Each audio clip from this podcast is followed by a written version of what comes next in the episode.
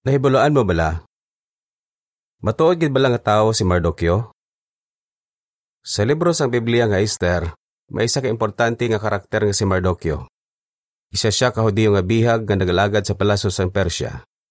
Natabo ini sa ikalay mga siglo BCE sa panahon ni Hari Ahasuero.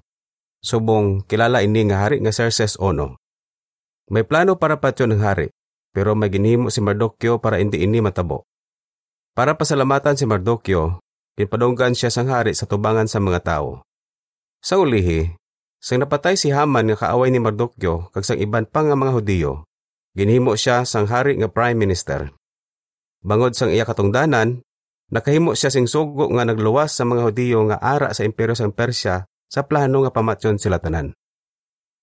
Sa mga ikabaynti nga siglo, ang pila ka istorya nagsiling ang libro sa Esther ulo istorya lang, kag si Mardukyo hindi matuod nga tawo.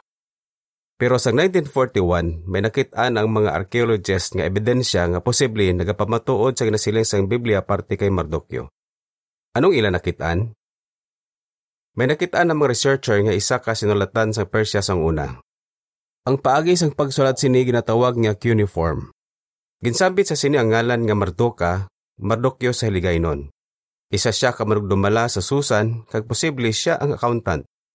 Si Arthur Ongnad, isa ka eksperto sa history sa mga lugar sa Sidlangan, nagsiling nga ini nga cuneiform, amo lamang ang sinulatan nga nagsambit kay Mardukyo magluwas sa Biblia sa tungation.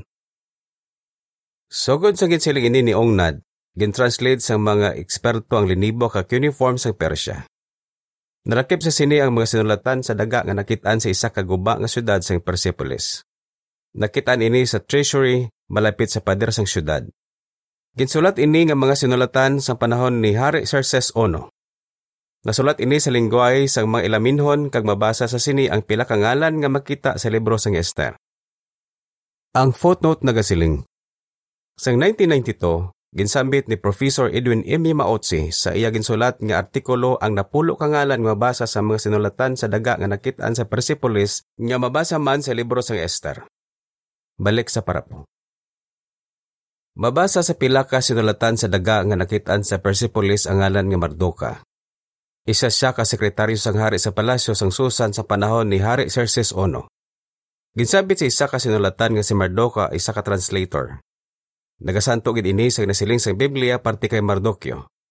Suno sa Biblia, isa siya ka opisyal nga naglagad kay Hari Ahasuero, Xerxes Ono, kag naghambal siya sing duha ka lingwahe. Permi nagapungko si Mardukyo sa gawang sang hari sa palasyo sang Susan. Ini nga gawang isa kadako nga building kag diri nagatrabaho ang mga opisyal sang palasyo.